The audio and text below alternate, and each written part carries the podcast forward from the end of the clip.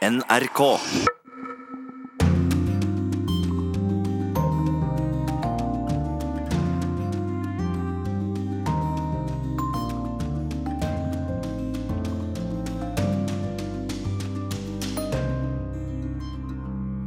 Bomberegnet i Syria ligner et folkemord, og i New York sitter Sikkerhetsrådet tafatt.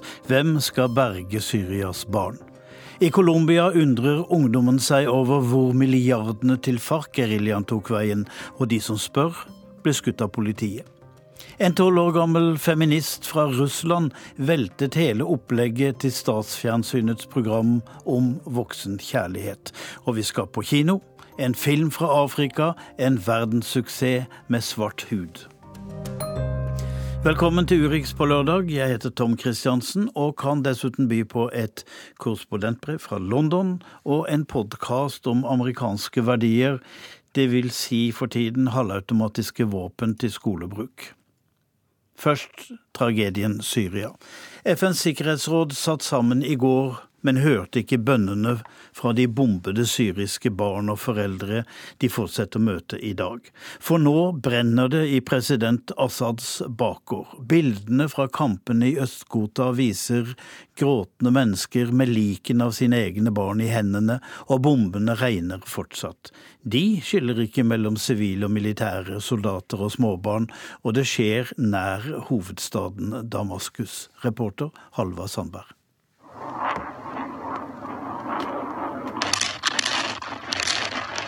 Bombeangrep i Østre Ghouta. Dette stedet har hatt stor betydning i den syriske borgerkrigen, men i utstrekning er det lite. Den opprørskontrollerte enklaven delvis inni den syriske hovedstaden har en utstrekning på ikke mer enn 100 kvadratkilometer.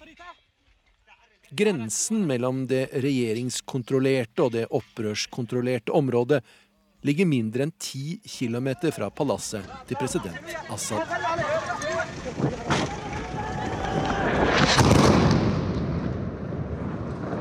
Det betyr at han med sine egne øyne kan se hva som foregår nå.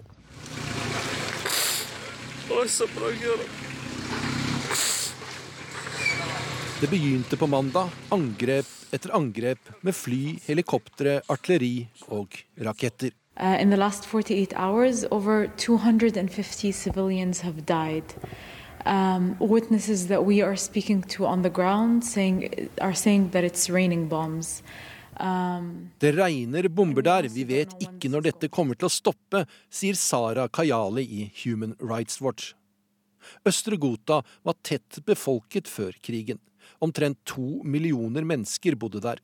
Anslaget nå, etter flere år med beleiring, er 400 000. Dette er et tall det ikke er mulig å bekrefte.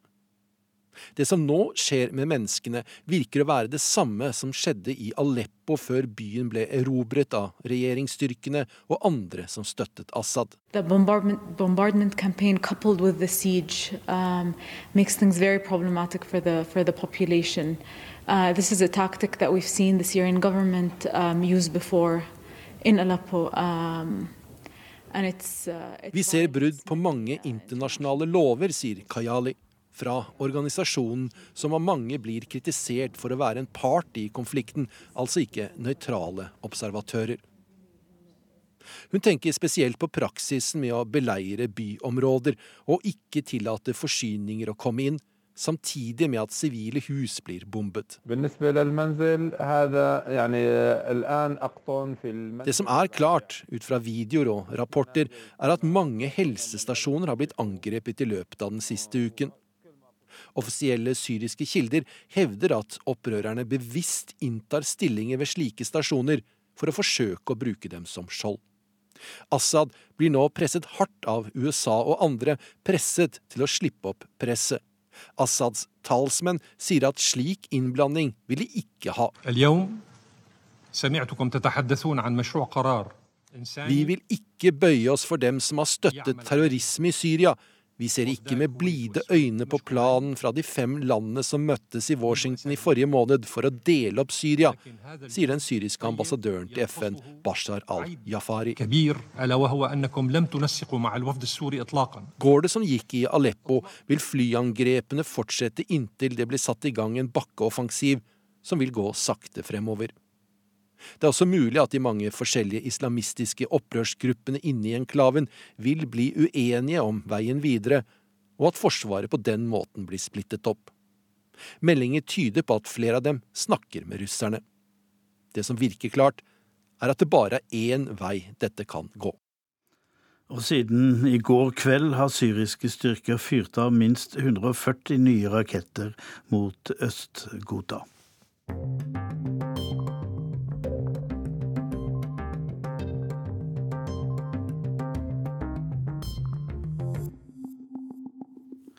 I Russland har en feminist på tolv år skapt oppstandelse.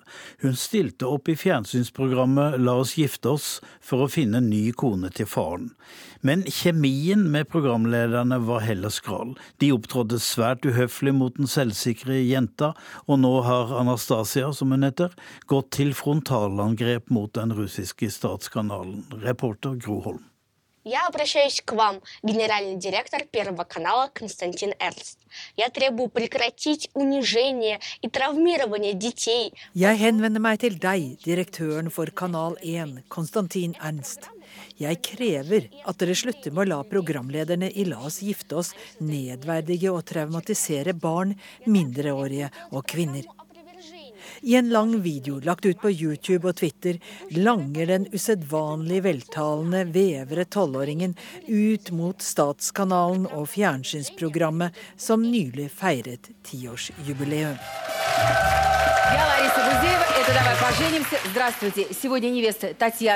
Larisa Guseva er en ferm, mørkhåret og sterkt sminket programleder som ikke sjelden får gjestene i La oss gifte oss til å gråte på direkten. Konseptet er enkelt. En ungkar får tre kandidater å velge mellom, og selv blir de presentert av et familiemedlem eller av en venn. Da tolvårige Anastasia skulle presentere sin legefar, ble hun selv gjenstand for kryssforhør.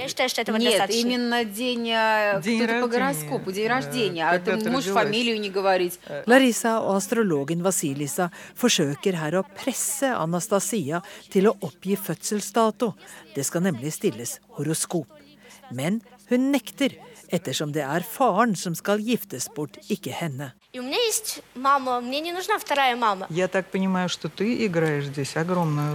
Jeg har en mor, og jeg trenger ikke en til, sier Anastasia. Jeg forstår at du spiller en enormt stor rolle, sier astrologen på en megetsigende kritisk måte. Så kommer spørsmålet om hva slags egenskaper en ny kone bør ha То, что девушка для папы должна не только говорить, уметь говорить о логистике, а о чем-то вне коробки. Не о логистике, то есть о политике, об искусстве, к примеру. Den kvinnen bør kunne snakke om ting utenfor boksen, ikke bare om logistikk, men om politikk, kunst og sånn, svarer Anastasia.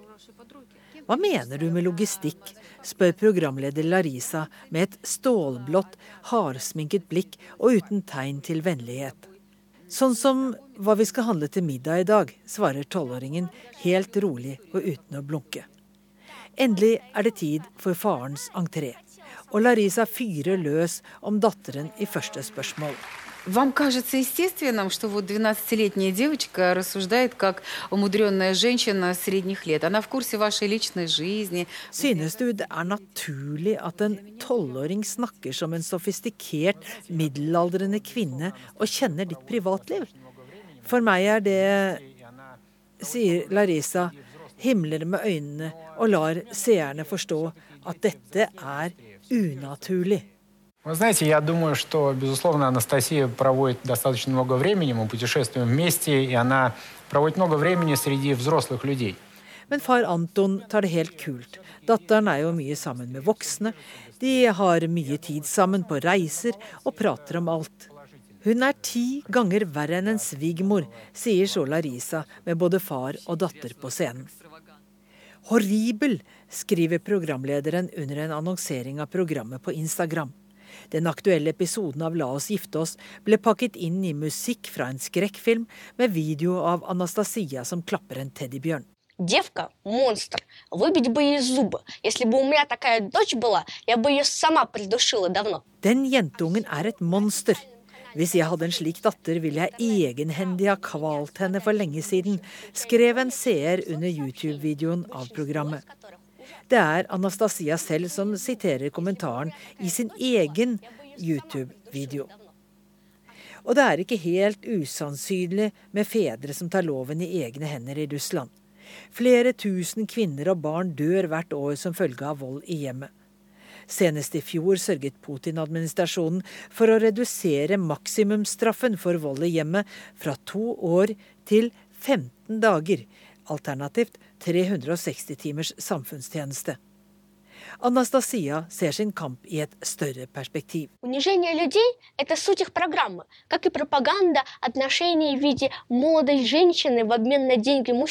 Hovedtanken i 'la oss gifte oss' er å nedverdige folk. Det er en form for propaganda der kvinners ungdom byttes mot menns penger. I det 21. århundre bør kvinner skape sitt eget liv, sier tolvåringen. Som opplevde at selveste YouTube fjernet videoen hennes fordi russiske Kanal 1 klaget over at hun krenket åndsverkslovene da hun brukte klipp fra programmet. Men nå er Anastasias video tilbake.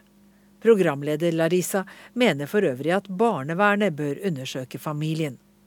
Og faren, ja, han valgte ingen av de vakre unge damene i programmet. Men nå er han iallfall blitt berømt i Russland, mye takket være sin feministdatter. Så kanskje er han ikke lenger singel.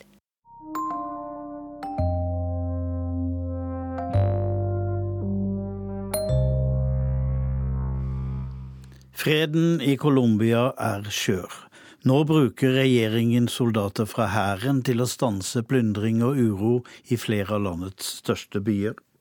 Årsaken er delikat. Flere butikkjeder anklages for å hvitvaske narkopenger for den tidligere FARC-geriljaen. FARC er i dag et politisk parti etter fredsavtalen fra 2016, men hvor gjemte de kokainmilliardene? Reporter Eirik Veum. En avdeling fra opprørspolitiet og noen hærsoldater rykker frem langs en gate i Colombias hovedstad Bogotá. Tåregassen ligger som en tåke mellom bygningene. I et veikryss oppdager de en gruppe unge menn. De har steiner og tomflasker, og så er bråket i gang. Los vándalos trataron de ingresar a un almacén, un supermercado. Politisjef Carlos Acosta forteller hvordan enheter under hans ledelse går inn og forsøker å stanse urolighetene. Flere personer er arrestert.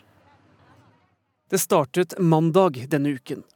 Den colombianske påtalemyndigheten gikk ut og anklaget flere av landets butikkjeder, som Supercondi, Mercafusa og Mercandrea, for å hvitvaske og gjemme unna penger.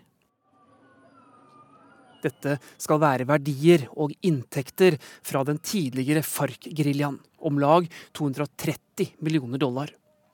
De vil myndighetene konfiskere. Uttalelsen vekker oppsikt.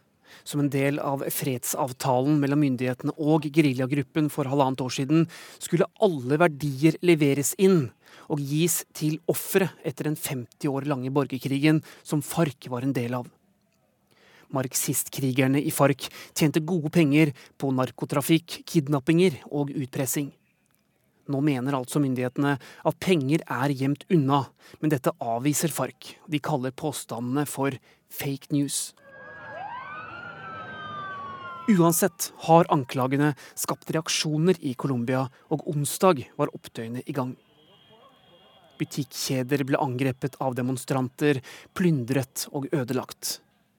Etter hvert kom det hele fullstendig ut av kontroll, og urolighetene har spredt seg til flere byer over hele Colombia. Giovanni Oviedo står inne i det som er igjen av sportsbutikken han eier. Han er ikke anklaget for hvitvasking, men hyllene er tomme, og det er glasskår på gulvene.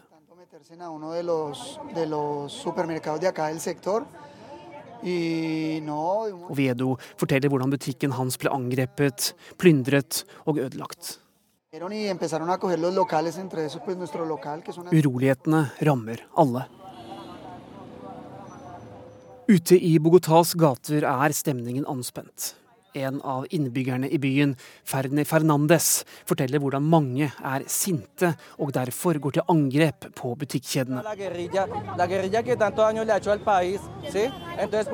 Supermarkedene tilhører rebellene i FARC, geriljakrigere som har gjort så mye skade i landet vårt, forteller Fernandes. Nå får folk en mulighet til å hevne seg og straffe dem. Det kommer ikke til å stoppe med dette, tror han. Det er ennå ikke klart hvor mange som er arrestert de siste dagene. Tallene varierer fra 30 og opp mot flere hundre. Det er meldt om skyting i hovedstaden Bogotá, men det er ennå ikke kjent om det har ført til at noen er blitt såret eller drept. Myndighetene har satt inn tiltak for å holde ro og orden. I noen provinser er det forbudt å selge alkohol, og enkelte veier er blitt stengt. Professor Benedicte Bull ved Senter for utvikling og miljø, Dukan Colombia. Er denne voldsbruken noe man må regne med i et land hvor freden bare har vart i to år? Jeg tror at særlig i Colombia, som er så eh, fragmentert på mange måter, eh, så var det mange som forventet at i konfliktområdene så ville det bli et press og mulig ny vold når FARC eh, nedla våpnene. Altså at man har områder hvor de er veldig liten, lite statlig tilstedeværelse, og det blir et maktvakuum. Sånn sett så tenker jeg at man måtte regne med at noe skjedde.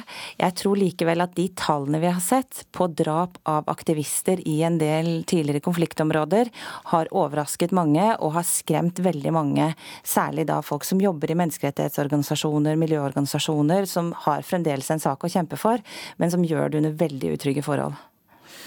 Dette virker jo som veldig dårlige nyheter, men spørsmålet er eh, hvordan skal man måle Colombias framgang eller tilbakegang?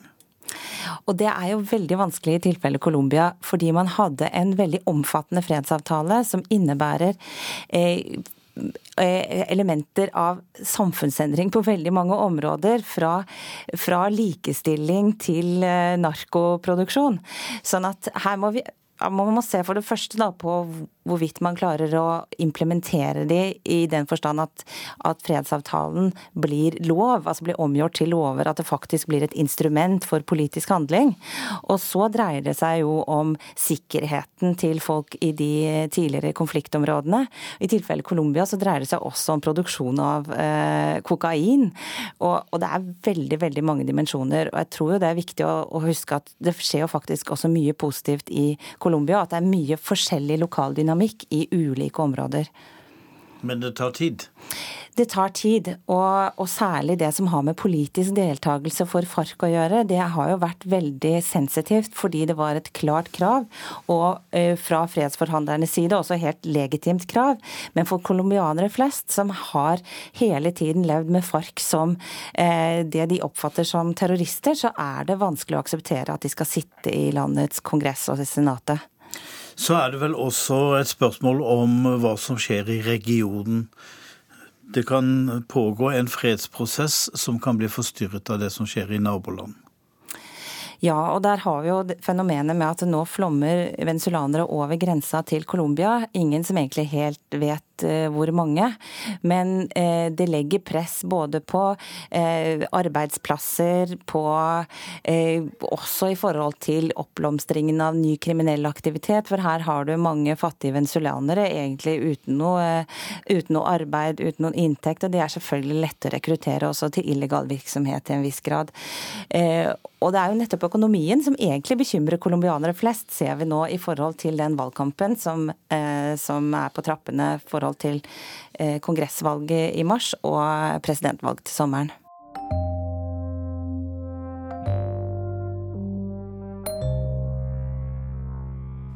Nå er det tid for film fra Afrika.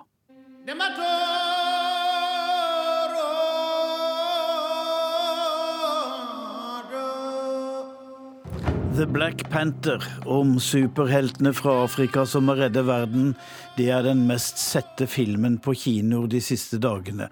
Fra Europa til USA, fra Sydney til Senegal, fra Kapp til Nordkapp. Filmen hylles av Oprah Winfrey og Michelle Obama, for nå skriver Afrika filmhistorie. Og på første benkerad i Century Cinemax i Ngon Road i Nairobi, med 3D-brillene på, satt vår mann Sverre Tom Radøy.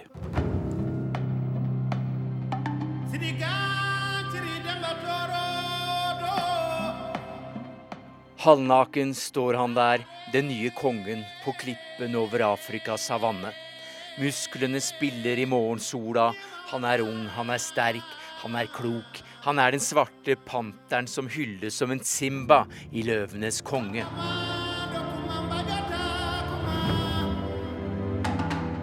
Men han ankom i et romskip à la Star Wars, og etter slåsskampen i den hemmelige spillebula i det eksotiske asiatiske smuget, så kunne han bestilt en drink, shaken not stirred. Men skurken slapp unna med den stjålne metallklumpen, selve beviset for at både verdens mest fantastiske superdupermineral og teknolykkelandet Wakanda faktisk finnes. Godt skjult, men det finnes her i Afrika et sted. I have seen gods fly. I've seen men build weapons that I couldn't even imagine. CIA er svært interessert. Metallet kan nemlig smis til uovervinnelige våpen. Svik, svindel og rå styrke skyver den gode kongen til side. Det onde får makten over mennesker og metall i Afrika. Verdensfreden står i fare. Med få unntak er både røvere og riddere i denne filmen afrikanere og afroafrikanere med hudfargen sør for Sahara med Mali blues, Mandela-dialekt, med kvinnereddet kamp mot despotiet og en kenyansk Oscar-vinnende superstjerne så flott at CNNs kjevestramme økonomiarbeider gir seg enda over.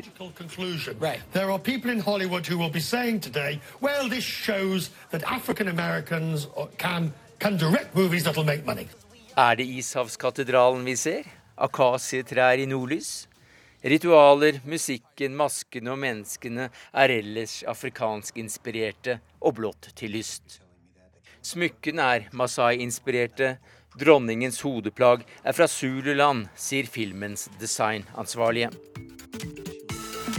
For the most part, the huge misunderstanding about what Africa is. Most people think it's just one big thing. If you're in East Africa or West Africa, South Africa, North Africa, they're all very different. Mange tror Afrika er et sted, et land.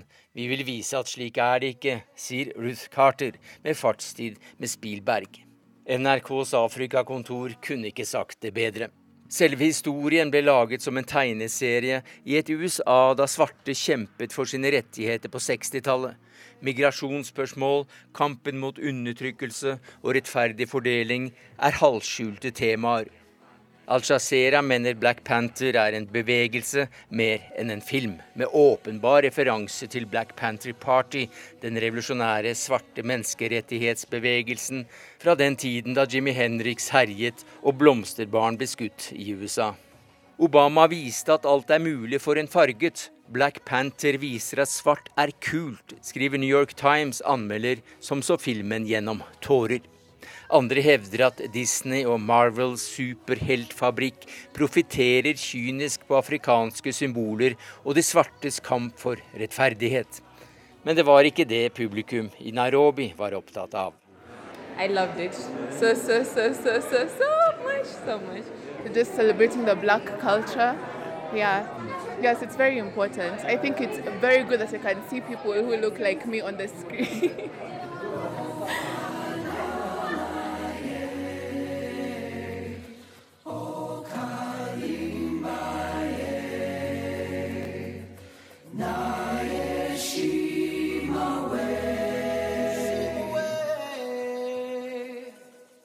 Ja, det var uh, dagens Afrika. Men korrespondentbrevet kommer ikke derfra, det kommer fra London denne lørdag. Øyvind Nyborg forteller om alt det som ligger mellom uteliggere og kongelige. Å nei, hva har jeg gjort for noe galt nå, tenkte jeg. Jeg ser ned på en melding på mobilen fra en venninne i Norge. Hun hadde sett meg på Nytt på Nytt. Hjertet stopper å slå et øyeblikk, og angsten slår ut pusten. Nå har jeg driti meg skikkelig ut, og det for en million seere, tenker jeg.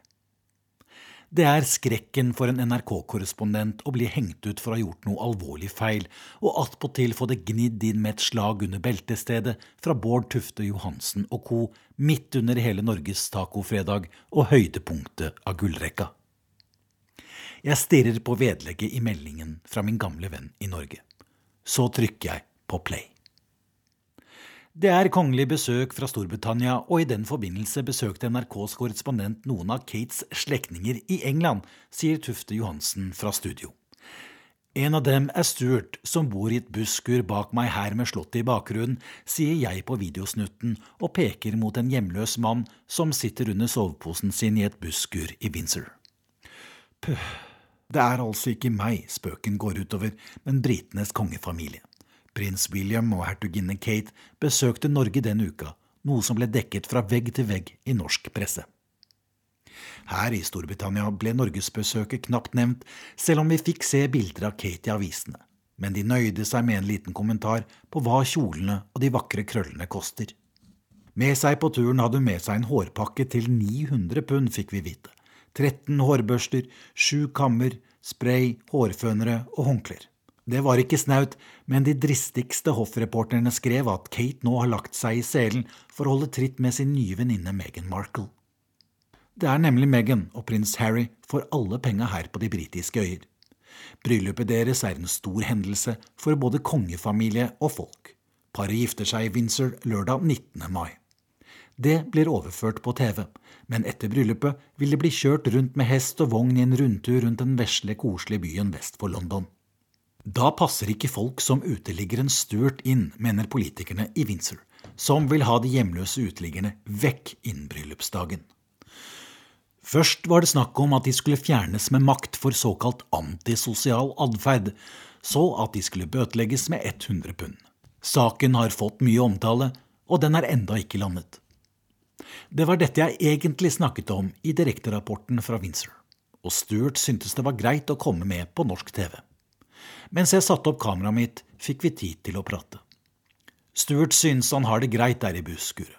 Gamle pappesker er madrass. Han har sovepose, pute og flere lag med tøy på, og en varm strikket lue med klaffer til ørene.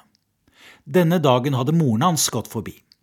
Hun ville ikke ha ham hjemme hos seg, det går ikke, men julekvelden kom hun på besøk, forteller Stuart. Hun hadde tatt med seg julemat, og sammen satt de under busskuret i lyset fra gatelyktene og spiste julemiddag sammen. Det er flere hjemløse som bor på gaten i Windsor. De tigger penger av alle dagsturistene til Windsor-slottet. I forbindelse med direkterapporten hadde fotograf Johan Bull og jeg laget en lengre sak til Søndagsrevyen om de hjemløses situasjon i Storbritannia. Vi fulgte blant andre hjemløse Jungle og Becky, som bodde i et telt på Trafalgar Square i den kalde og gufne London-vinteren. Den saken skulle få en alvorlig vending. En av dem som hadde sett reportasjen, tok kontakt med meg på e-post. Hun er norsk og jobber i Westminster. Hun hadde sett politisperringer rundt det blå teltet under søylene til den store bokhandleren på Trafalgar Square, og liket av en person. Hun var bekymret og tenkte kanskje det var Becky. Jeg ringte en av mine kontakter blant hjemløses hjelpeorganisasjoner, som kunne fortelle at det ikke var verken Jungle eller Becky som hadde omkommet, men en ung mann med østeuropeisk bakgrunn. Jeg ringer og sender melding, men det er ingen svar å få hos paret i teltet. Så drar jeg ned til Trafalgar Square, men der er det heller ingen å se. Teltet var borte. Jeg går videre rundt stasjonen Charing Cross og spør andre uteliggere hvor de kan være, men ingen har sett dem på en stund. Jeg er i ferd med å gi opp da jeg får øye på en av uteliggerne jeg vet er i Jungles omgangskrets. Han sier han vet hvor Jungle er, og går og henter ham med en beskjed om at journalisten fra Norge gjerne vil treffe ham. Det blir et fint gjensyn. Vi går på kafé, og jeg byr på kaffe og croissant. Med meg har jeg PC-en min, og jeg viser fram søndagsrevysaken om ham og kjæresten Becky. Jungle følger nøye med. Selv om han ikke forstår hva jeg sier i reportasjen, så forstår han jo intervjuene med seg selv og de andre uteliggerne. Han ser konsentrert inn i PC-skjermen. Så pipler tårene fram i øyekroken, og jeg skjønner hvorfor. I innslaget sier han Jeg hadde et godt liv en gang, men nå er alt borte. Mens vi sitter og prater, får jeg vite at politiet har inndratt teltet, og at livet på gata er tøffere nå. Mannen som døde, hadde fått låne teltet deres, mens han og Becky tok en natt på hospits. Fyren var alkoholiker og hadde kjøpt inn en liter vodka for kvelden. Flaska var selvmedisin for en oppvekst med seksuelle overgrep. Da Jungle og Becky kommer tilbake til teltet sitt neste morgen, er ikke vennen deres til å vekke. Han døde av hjertesvikt den natten. Han er ikke den første og heller ikke den siste av de hjemløse som dør på gaten. I kirken St. Martins in the Fields like ved leste presten opp en liste med 144 navn rett før jul. Alle disse var navn på uteliggere som døde i løpet av 2017. For mange av dem ble det deres eneste begravelsesseremoni. Nesten 5000 av de hjemløse i Storbritannia bor på gaten. Colin fra Skottland har vært hjemløs i fire år. Også han var med i TV-reportasjen vår. Jeg finner ham på sitt faste sted ved Leicester Square, der jeg møtte ham første gang. Med bena trukket opp under seg i en grønn, skitten sovepose sitter han og tegner. Det er siste hånd på et portrett av en skuespiller han har sett avbildet i en gratisavis. Han er god til det, og av og til får han en slant for tegningene sine av folk som går forbi. Colin har vært involvert i organisert narkotikakriminalitet og sittet inne i flere år. Jeg slår meg ned. Også han er ivrig etter å se innslaget med seg selv på norsk TV. Med hodetelefoner på seg følger han nøye med på den rundt seks minutter lange saken. I reportasjen forteller han om sønnene sine, som han savner, og om kona som døde av kreft mens han satt inne. Det er sånn vi har det på gata, og det er bra du viser det fram, sier han. Så gir han meg tegningen han har jobbet med i flere timer den dagen. Jeg skal ikke ha noe for den, sier han. Det er min tur til å bli rørt. Jeg tar den med i sekken hjem. Tegningen henger nå på veggen på NRKs kontor i London. Hva som skal skje med de husløse uteliggerne i Windsor til det kongelige bryllupet, er fortsatt litt uklart. Prins Harry har flere ganger vist engasjement for de hjemløses situasjon. Det har til og med kommet fram at moren hans, prinsesse Diana, tok med ham til hospits for de hjemløse allerede da Harry var tolv år gammel. Diana selv var til og med ute om natten, vekte uteliggere og spurte hvordan det sto til med dem. Sønnen Harry har tatt opp tråden, og bildet av ham mens han er ute og jogger med hjemløse, har gått verden over. Meghan Markle har allerede hatt sine første offentlige oppdrag sammen med prins Harry på veldedige arrangementer. I forrige uke brøt hun kongelig kutyme ved å gi et medlem av folket en stor klem i all offentlighet.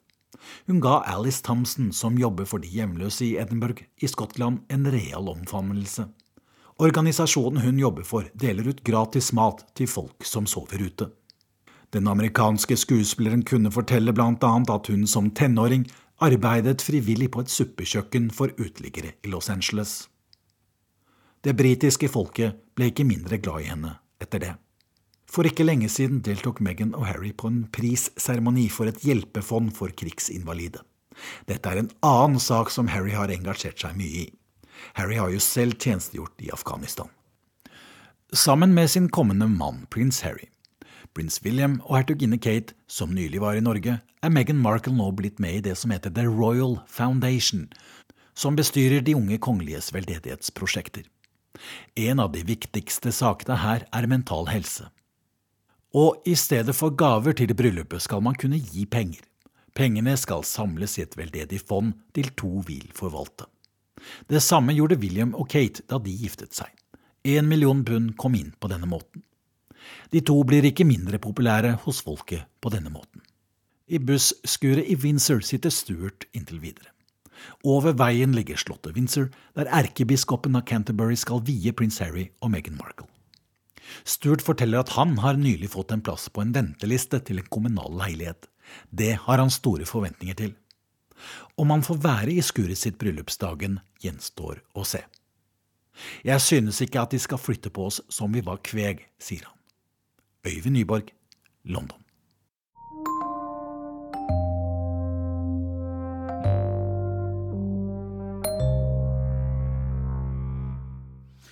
Ukens podkast kommer nå. Den handler om skoleskytinger i USA.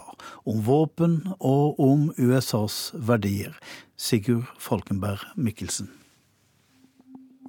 17 ungdommer ble skutt og drept av en medelev i Florida. USA har opplevd nok en skoleskyting. Denne gangen nekter ofrene å være stille. That there are mental health issues, and I am not a psychologist, but we need to pay attention to the fact that this isn't just a mental health issue. He wouldn't have harmed that many students with a knife! Ungdommen mobiliserer til kamp mot USAs våpenlover. Ganske fort så eh, merket jeg at det var akkurat som det var noe som var annerledes denne gangen. Jeg var på en sånn improvisert minnestund ett døgn etter at skytingen startet, og snakket med mange elever. Og mellom tårene og fortvilelsen så var de så sinte. De, de, de, sa nå orker vi ikke mer av dette, nå må det bli en forandring. De voksne eh, tar ikke ansvar for oss, de hører ikke på oss. Politikerne eh, lar oss bare dø i klasserommene, sa de. Tove Bjørgaas er eh, NRKs USA-korrespondent. Denne skytingen begynte altså da rundt halv tre om ettermiddagen lokal tid. Og da fikk jeg en sånn hastemelding fra CNN kort tid etter hvor det bare sto aktiv skyting på en skole i Florida. Slike meldinger får vi hele tiden. Og veldig ofte så er de kanskje ikke så alvorlige. Eh, men så begynte altså eh, mer meldinger å tikke inn om hva slags skyting dette var, og vi så hvor mye politi som var utenfor skolen. Ja, Tove Bjørgaas, hva er det siste nå om det som skjedde på skolen? Politiet i eh, Parkland, Florida sier at det er 14 mennesker som er, som er ofre, altså drept eller såret. Men vi har altså fått beskjed om at to er bekreftet omkommet så langt. Skytingen skal ha skjedd da gjerningsmannen utløste brannalarmen inne på skolen like før skoledagen var over. Dermed strømmet elevene ut i gangen, og så begynte han å skyte. Så uh, løp elever inn igjen og gjemte seg i klasserommene, slik som de er trent opp til å gjøre. Men hva slags eh, skole er Marjorie Stoneman Douglas High School i Parkland, Florida? Marjorie Stoneman Douglas er en eh, nokså sånn typisk forstads altså offentlig forstads eh, videregående skole her i USA. En stor skole, 3000 elever, som ligger litt nord for Miami og Fort Lauderdale. I et ganske velstående, etter hva jeg klarte å få med meg, forstadsområde. Eh, med en eh, multietnisk eh, studentmasse, eller elevmasse. Også ganske mange jødiske elever. Jeg merket også det på minnestunden, for det var flere rabbinere der. Og det var også mange jødiske navn på lista over de som var skutt. Men en, en, en skole, tror jeg Jeg har også snakket med folk rundt der etterpå, med, med mange barn av eh, engasjerte foreldre som, som har Eh, er aktivt med kanskje i politikk, eller i hvert fall i samfunnsliv, med et veldig engasjement for denne skolen. Eh, så, så, så det, det, er nok kanskje også et grunnlag her akkurat, akkurat, der, da, for at de kan ta en slik rolle eh, som man kanskje ikke ville sett være mulig i alle deler av USA. Men det at de trener på masseskytinger på amerikanske skoler, hva, hva tenker folk i USA om det? Det er blitt så vanlig eh, Jeg må innrømme altså Jeg har en, selv en eh, stesønn, eller jeg bor sammen med en 17-åring som eh, har metalldetektorer på, på, skolen sin. Her i Washington har de det fra ungdomsskolen. Alle må gjennom en metalldetektor når de kommer om morgenen. Men de er så vant til det. Eh, altså Disse barna er vant til at det er det man har mer enn en brannøvelser. Og foreldrene snakker liksom ikke så mye om det. På barneskolen der sønnen min går, så er døra låst dagen lang, og alle må ringe på og registrere seg skriftlig når de går inn. Det vil vel kanskje ikke heller være vanlig i Norge.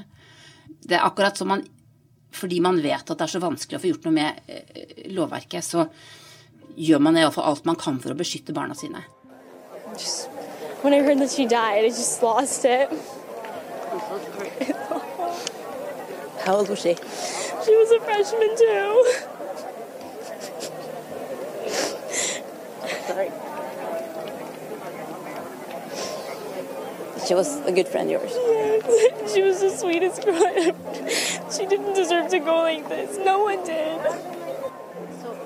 What are you thinking, like, not for this to happen again? More gun control. And yeah, that's really it. Not letting people that are like mentally ill get a hold of a gun.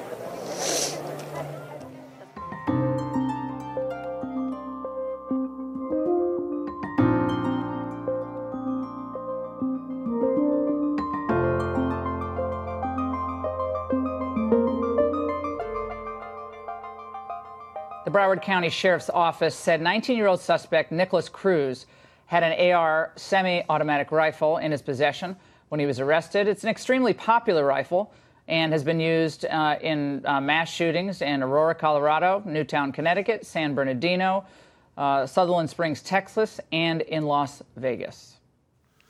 Aller først, eh, hva slags våpen er en AR-15? Så Det er en rifle. De som kjenner sånne ting, det er at en rifle den har sånne riflinger inni løpet som gjør at eh, prosjektilet, eller kulen, da, at den begynner å dreie rundt, og da blir den stabil i luften. Det er liksom eh, hovedsaken. Og så er den halvautomatisk. Det betyr at for hvert skudd du skal ta, så må du trekke avtrekkeren én gang. Det helautomatiske eller fullautomatiske våpen, det er sånn der du, du, du, du skyter så Det vi kanskje kaller maskingevær? Ja, Det er ikke det heller. for Maskingevær har vanligvis en tofot er litt tyngre. Mm. Uh, og da ligger du ned og skyter. Med halvautomatiske så må du skyte hver gang. Men du, Men du trenger ikke å lade om fysisk? Nei, ikke for hver gang. Det er ikke sånn som uh, jaktvåpen. De fleste jaktvåpen så har du en sånn bolt. ikke sant? Det er klikk, klikk, klikk, så har du, uh, har, har du et nytt skudd inn uh, kammeret.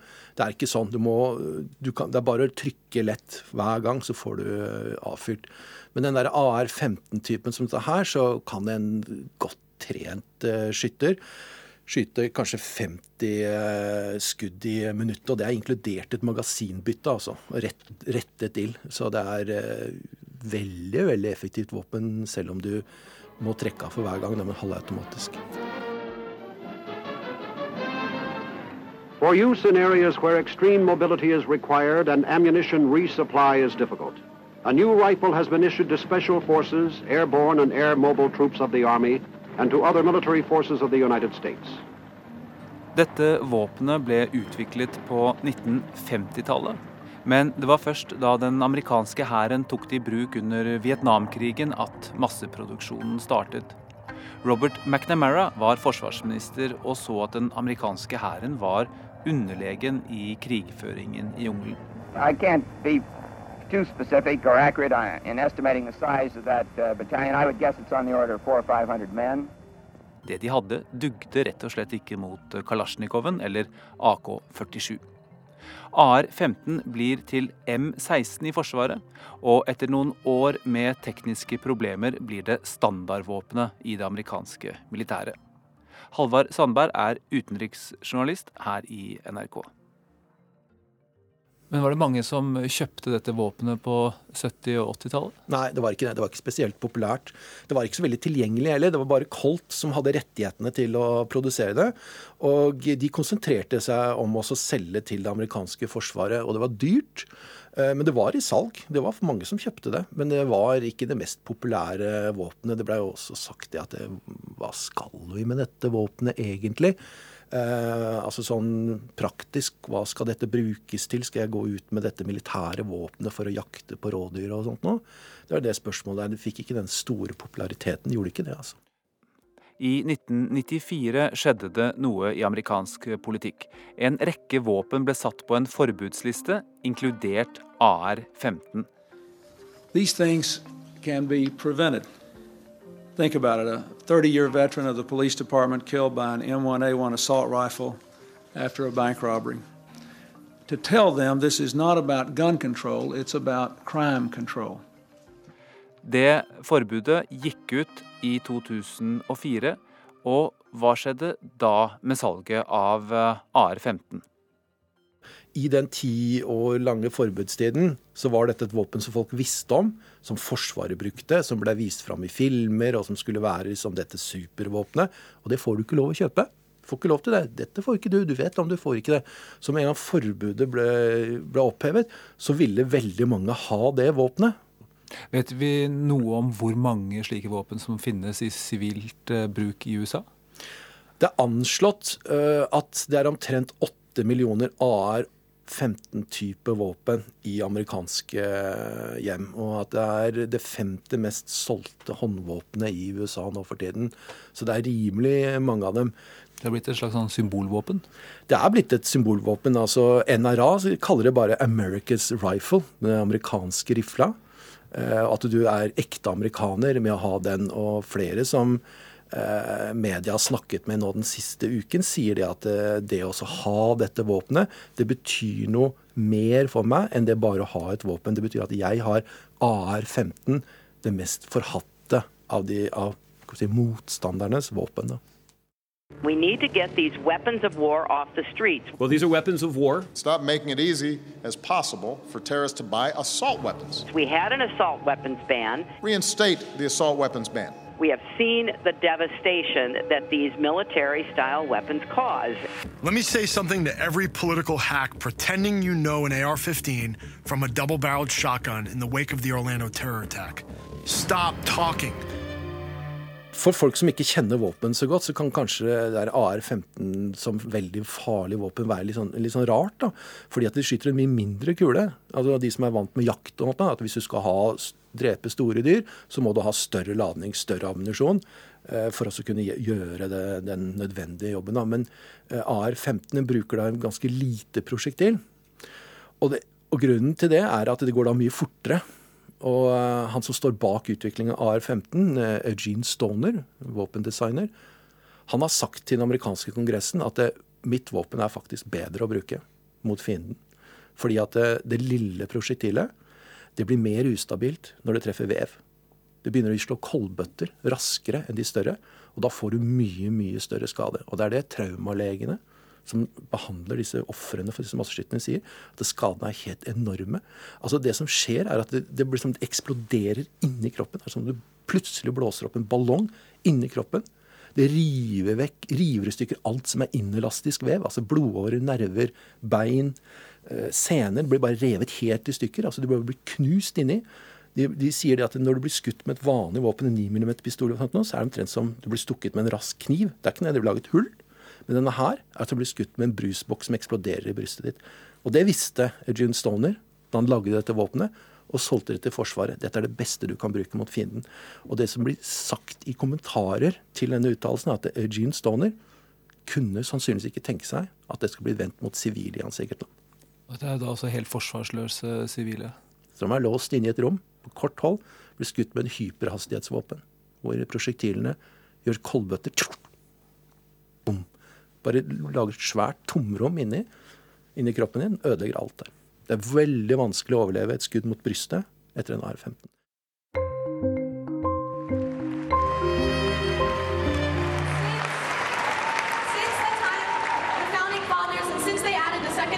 Constitution, our guns have developed at a rate that leaves me dizzy. The guns have changed and the laws have not. We certainly do not understand why it should be harder to make plans with friends on weekends than it is to buy an automatic or semi-automatic weapon. In Florida,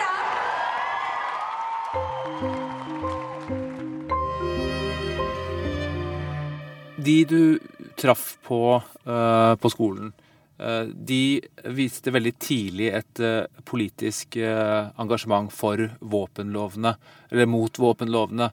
De har altså mobilisert veldig i etterkant. Hvordan arter dette seg? De har jo da i løpet av et par dager startet en kampanje, rett og slett, hvor de ønsker å bruke denne anledningen, som de sier, de har til å snakke direkte til president Trump og andre politikere. Og allerede har jo politikerne forstått at disse elevene klarer å sette ord på dette. Og jeg har både sett nå senator i Florida, Marco Rubio, guvernøren i Florida, Rick Scott, og president Trump uttrykke at de ønsker å se på tiltak, og at de også ønsker å ha møter med disse elevene. De har nok helt sikkert fått hjelp av både foreldre og av skolen sin til å organisere dette, men på lørdag, altså tre dager etter massakren, så ble det holdt eh, et møte i Fort Lauderdale, hvor bl.a. denne Emma Gonzales, som mange sikkert har hørt, holdt et flammende tale. Eh, mellom tårene krevde endrede lover, og, og andre elever også sa at nå må dere slutte å ofre våre liv for at politikerne ikke klarer å gjøre noe med dette. Og jeg tror akkurat dette går hjem hos veldig mange. Og dette er jo også Disse ungdommene vet jo også at de er framtidas velgere. Eh, og dette er generasjonen som har vokst opp med disse øvelsene. Eh, og det er det som gjør at jeg tenker at det er de som kan skape forandringen her. Og jeg tror at jeg er veldig klar over det. Eh, og så tror jeg også at det er noe med mediedekningen dette får. De som skyter, er jo ofte opptatt av å få oppmerksomhet. Nå har elevene på Marjorie Stoneman Douglas også brukt den muligheten til selv å når de har kameraene rettet mot seg, bruke den oppmerksomheten til å kreve endring. Og så har de også tatt til orde for en nasjonal mobiliseringsdag med en marsj mot Washington. Eh, hvis jeg ser det riktig, 24. mars. Det er dette noe som forplanter seg utover eh, i landet? Ja, dette er, altså De har da sagt at 24. mars skal det være store demonstrasjoner både her i Washington og i mange byer over hele USA. Eh, litt sånn etter modell av disse kvinnemarsjene som vi så etter innsettelsen eh, i 2017. Og så er det også varslet eh, at man ønsker å ha en slags streik 20.4, hvor lærere og elever nekter å Eller bare forlater skolen. Og noen har ment at de ikke skal komme tilbake igjen før det er blitt vedtatt lover, men det tviler jeg vel på at det kommer til å skje. Men de har altså klart å nå etablere på Facebook slike grupper. March for our lives skal disse demonstrasjonene 24. mars hete. Eh, og jeg er ganske sikker på at det kommer til å få eh, ganske stor effekt og oppmerksomhet. This isn't about the red and blue, the GOP and the Democrats. This is about adults and kids. And at this point, you're either with us or against us. We are giving all our politicians a clean slate, and in the next election, we are saying if you are accepting money from the NRA, there is a badge of shame on you because you are enabling things like this to happen. I president Donald Trumps eh, tale til nasjonen like etter hendelsen, snakket han bare om samhold og mental helse, ikke om våpenkontroll. We are committed to working with state and local leaders to help secure our schools and tackle the difficult issue of mental health. Han har etterpå sagt at han er for et forbud eller kontroll med denne mekanismen som kan gjøre et halvautomatisk våpen om til et helautomatisk, det amerikanerne kaller en bump stock. Men han har ikke gått noe lenger enn det. Og republikanerne kontrollerer jo både Senatet og Representantenes hus. Tove, er det noen grunn til å tro at det skal bli noen endring i det hele tatt? Det er litt vanskelig å si, men det er jo valgår i år. Og det er klart at det er veldig viktig. Og demokratene håper nå at de skal klare å vinne eh, flertall i Representantenes hus. Og klarer de det, så har eh, demokratene helt andre muligheter for å få til eh, noe her. Men jeg tror også Altså, det er klart det er vanskelig, og det har ikke skjedd noen ting. Det har faktisk blitt mer liberalt, egentlig, mange steder etter Sandy Hook det er altså slik at folket er veldig splittet i denne saken fortsatt, og at splittelsen den går i, altså mellom demokrater og republikanere, mellom høyt og lavt utdannede, mellom unge og gamle, mellom menn og kvinner, mellom by og land, slik vi ser i veldig mange andre saker i dette landet. Eh, men nå er det altså slik at mange republikanere sliter med upopulære Trump. Eh, og at dette nok er en sak demokratene kommer til å bruke for alt den er verdt, ikke minst for å mobilisere da disse ungdommene som nå kommer til å strømme ut i gatene, til å stemme i november. Jeg snakket akkurat med en jente her rett utenfor den videregående skolen som går på skolen, og som kjente gjerningsmannen, og sier at de hadde vært bekymret for at han kunne finne på noe. Men det var altså mange varseltegn fra denne gjerningsmannen, som også faktisk hadde mistet begge adoptivforeldrene sine i løpet av bare noen få år, og hadde lagt ut også da meldinger på sosiale medier om at han ønsket å bli en som utførte slike skolemassakrer. Så her var det mange varseltegn.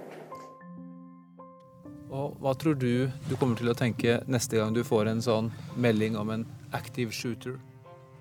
Nå har jeg jo dekket ganske mange av disse tragediene opp gjennom årene, men, men, jeg må si at altså det er jo noe veldig meningsfylt med å, å, å, være til stede og, i et sånt lokalsamfunn og snakke med folk. Og jeg tenker vel kanskje at altså De siste gangene, f.eks. etter Las Vegas, så, så husker jeg at jeg sto på TV og sa det skjer ingenting. Det kommer ikke til å skje noe denne gangen heller. Man føler seg veldig kynisk. Eh, I Las Vegas var det også veldig mange som, som støttet uh, våpenlovene, som mente at dette ikke handlet om det i det hele tatt. Men denne gangen så er det et, et veldig engasjement, og jeg håper jo Det er veldig vanskelig å være nøytral.